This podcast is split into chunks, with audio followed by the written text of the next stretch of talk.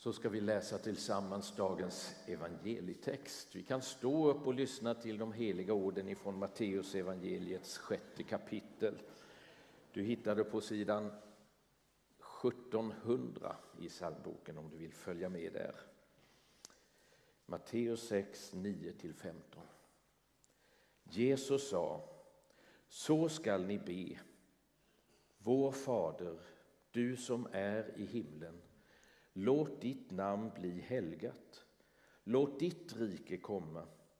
Låt din vilja ske på jorden så som i himlen. Ge oss idag vårt bröd för dagen som kommer. Och förlåt oss våra skulder, liksom vi har förlåtit dem som står i skuld till oss. Och utsätt oss inte för prövning, utan rädda oss från det onda. Ty om ni förlåter människorna deras överträdelser skall er himmelske fader också förlåta er. Men om ni inte förlåter människorna ska inte heller er fader förlåta er era överträdelser. Så hjälp oss, Herre, att förstå vad du vill lära oss om bönens värld och förlåtelsens kraft. Amen. Varsågoda och sitt.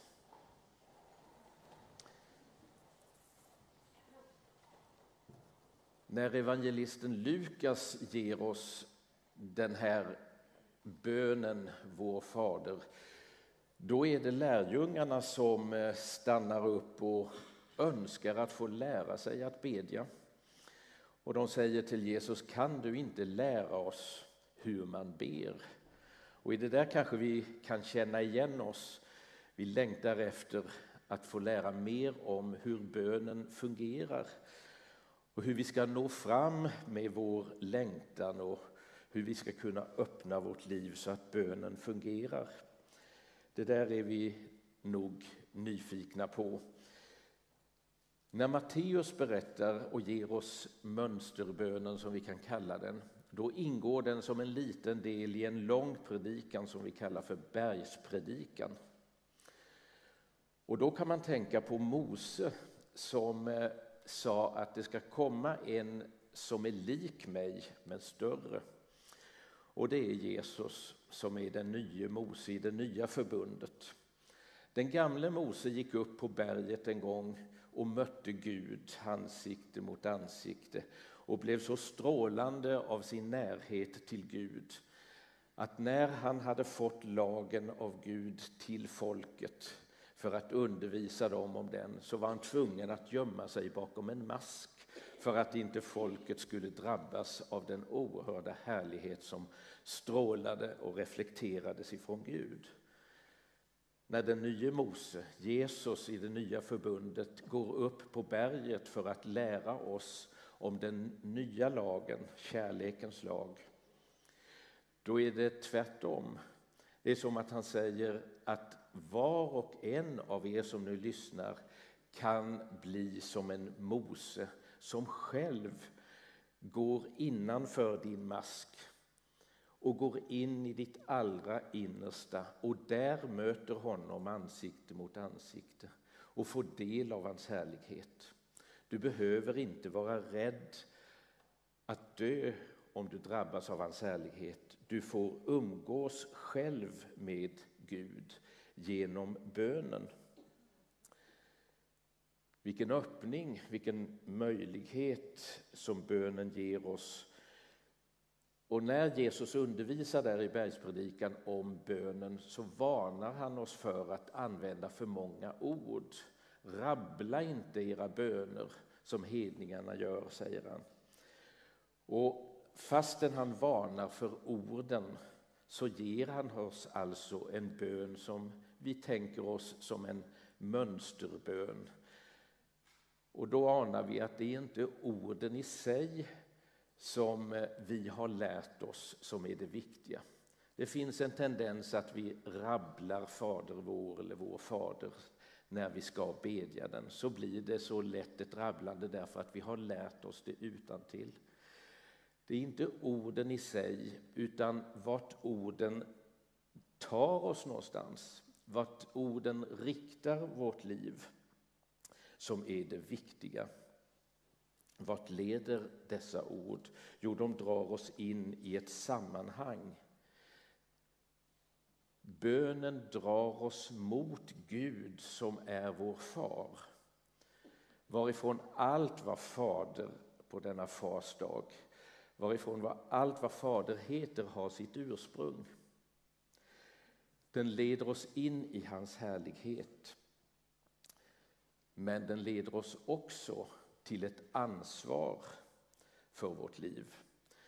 Vi som har fått nåden att bli pappor bli fäder, vi vet vilken glädje det ligger i detta, att få bli far. Men vi är också väl medvetna om vilket ansvar det är att vara far. Hur svårt det är att uppfylla det ansvaret. Det brister så ofta i vårt faderskap. Men hos honom som vi leds in i genom vår fader så finns inga brister, inget svek, inga nederlag. Han är den fader som är fullkomlig. Du kan inte säga, undervisar skriften, du kan inte säga att du älskar Gud och samtidigt hatar din nästa. Man kan inte komma in i Guds härlighet och samtidigt ge sig rätten till hatet. Bönens riktning är alltså till Fadern Bönens ärende är att lära oss att ansvarsfullt bygga ett liv som blir hållbart, som blir gott och möjligt att leva i gemenskap. Kärnan i detta byggande tycks vara förlåtelsen.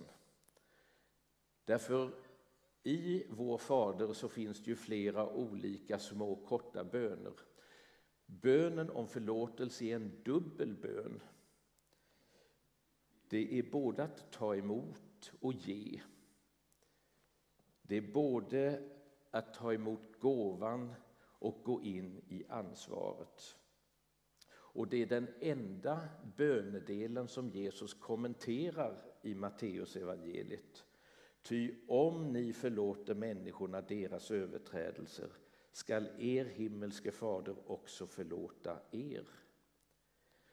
Då verkar det alltså vara något oerhört viktigt just med den delen av bönen som handlar om förlåtelse.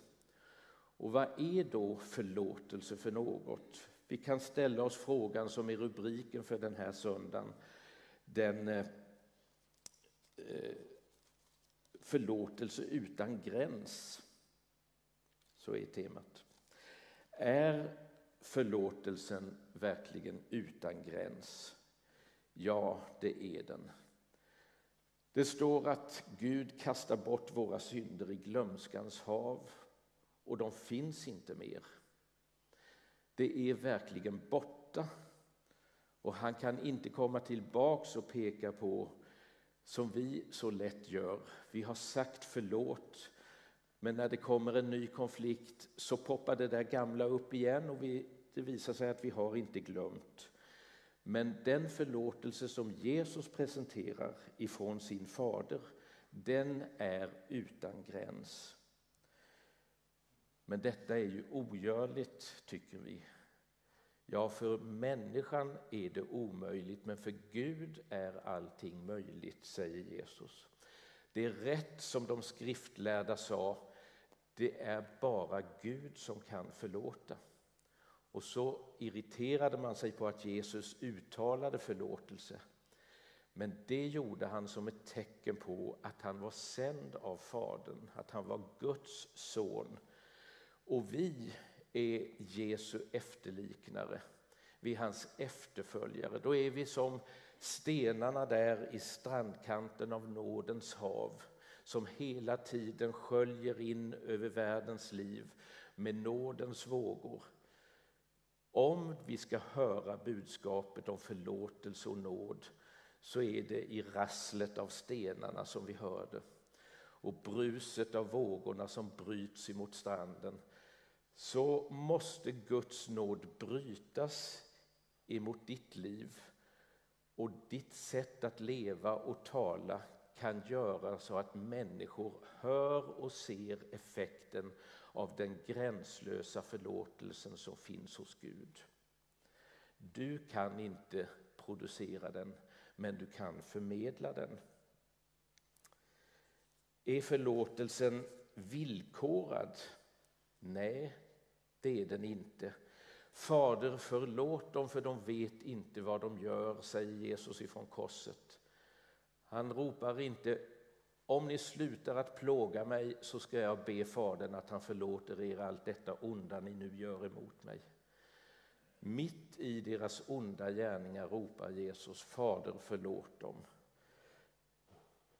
Gud tillräknar inte människorna deras synder, står det sedan i Paulus undervisning. Gud tillräknar inte oss våra synder som vi håller på med. Den förlorade sonen i berättelsen som Jesus berättar en gång för att gestalta hur Gud är. Han tänker ut en syndabekännelse därför att han har fördärvat så mycket av den gåva som han fick av sin fader, livet. Han har brutit ner det så att det finns ingenting kvar. Och nu vill han formulera en syndabekännelse som han kan försöka hitta en deal med sin fader.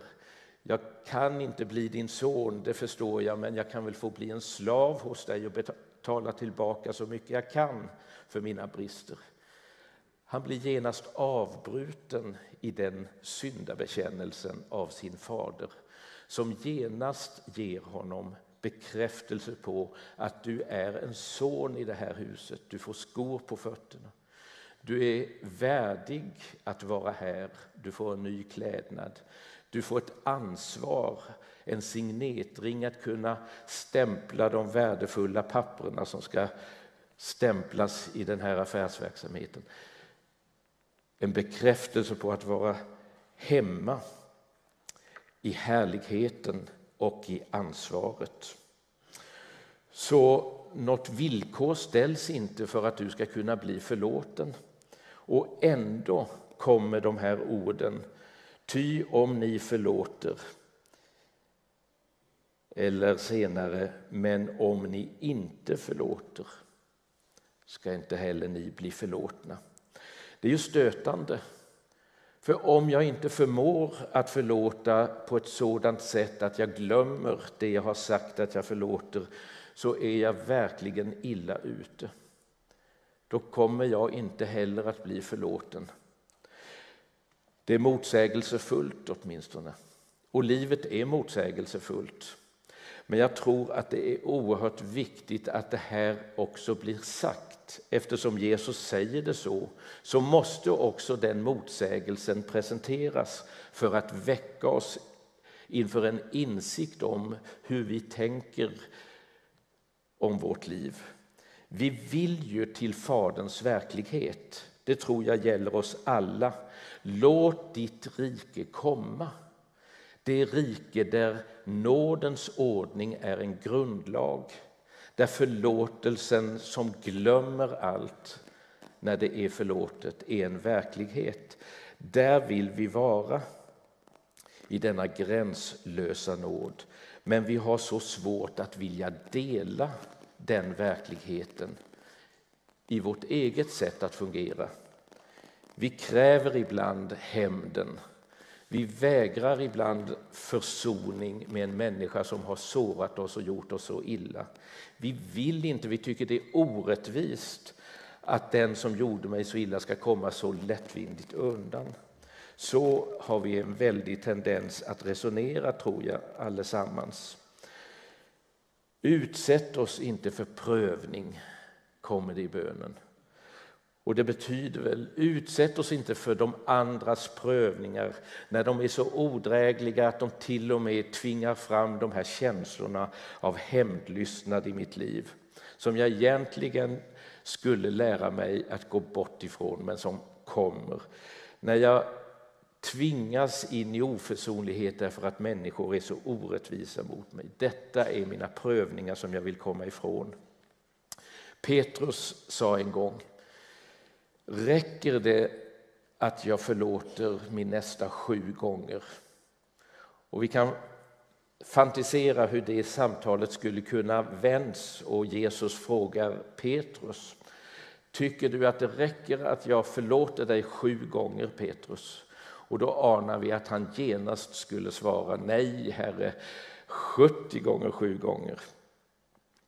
Därför annars hade han väl redan varit uträknad eller åtminstone var väldigt nära gränsen för att inte längre kunna få ta emot förlåtelse. Och så blir det uppenbart för Petrus att han själv vill ha 70 gånger 7 gångers förlåtelse. Men själv vill han bara ge sju gånger förlåtelse. Sen är han trött.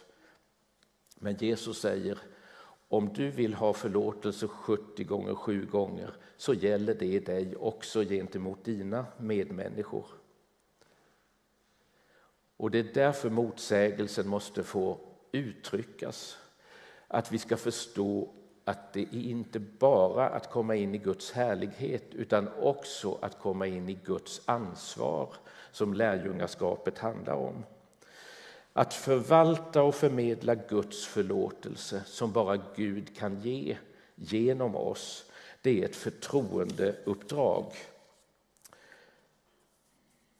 Med samma mått som ni mäter skall mätas åt er. Det har alltså betydelse hur vi lever våra liv, hur vi tänker om varandra, vilket sinnelag vi har i byggandet av gemenskap. Det räcker inte bara att säga att Gud kan ge dig detta. Vem ska han ge det genom? Jo, genom mig till dig. Den som ger mycket får mycket tillbaka. Den som förlåter blir förlåten och den som får mycket förlåtet kommer att älska mycket. Och så kommer gemenskap att byggas på ett starkt och mäktigt sätt. I himlen kommer det att fungera så. Där ska vi andas detta fritt. Ske din vilja, så som i himlen, så och här på jorden. Ja, det är ju så vi längtar, att det skulle redan här få finnas en sådan lättandad luft, nåd och förlåtelse. Vi drömmer om en sån gemenskap där vi inte behöver oroa oss. Utsätt oss inte för prövning, men öva med oss kan vi frimodigt bedja. Öva med oss, Gud, så att mer och mer av ditt rikes verklighet får byggas upp redan här och nu som en slags filial till himmelen. Anden som vädjar för oss, som ber med oss innanför vår egen mask, i vårt eget innersta. Den heliga Ande vill hjälpa oss att bedja för våra fiender som gör oss så illa. Fader, förlåt dem, för de vet inte vad de gör. Att den bönen också får bli vår bön. Och när vi inom oss i sällskap med den heliga Ande beder så tillräckligt många gånger så kanske vi till slut kan säga jag förlåter dig det du har gjort. Och sen också göra motsatsen till hämnden, nämligen försoning. Att göra och bygga en gemenskap som bygger på förlåtelse där vi glömmer och ger varandra en ny möjlighet och en ny start. Att leva med detta förlåtelsens sinnelag det är inte som kritiker ofta uttrycker mot de troende. Ja, de kan ju leva och göra precis som de vill och sen är det bara att gå till kyrkan på söndag och få förlåtelse och så kan man fortsätta. Så kan man tänka utifrån jagets ideal. Men nu har vi lärt oss att det handlar om att först ge förlåtelse för att kunna ta emot förlåtelsen. Och det bygger på gemenskapens idé. Och det är detta som är vår längtan. att få bygga gemenskap där kärleken är grunden, där förlåtelsen får vara gränslös och villkorslös. Och jag läser nu ur dagens lösen som avslutning av min predikan. Ifrån Kolosserbrevets tredje kapitel. Ha fördrag med varandra och var överseende om ni har något att förebrå någon. Liksom Herren har förlåtit er skall också ni förlåta. Och vi ber med O. Rickards ord. Jag är själv i största behov av att möta en mild domare på den stora dagen. Så låt mig då vara mild mot andra de få dagar jag har kvar. Amen.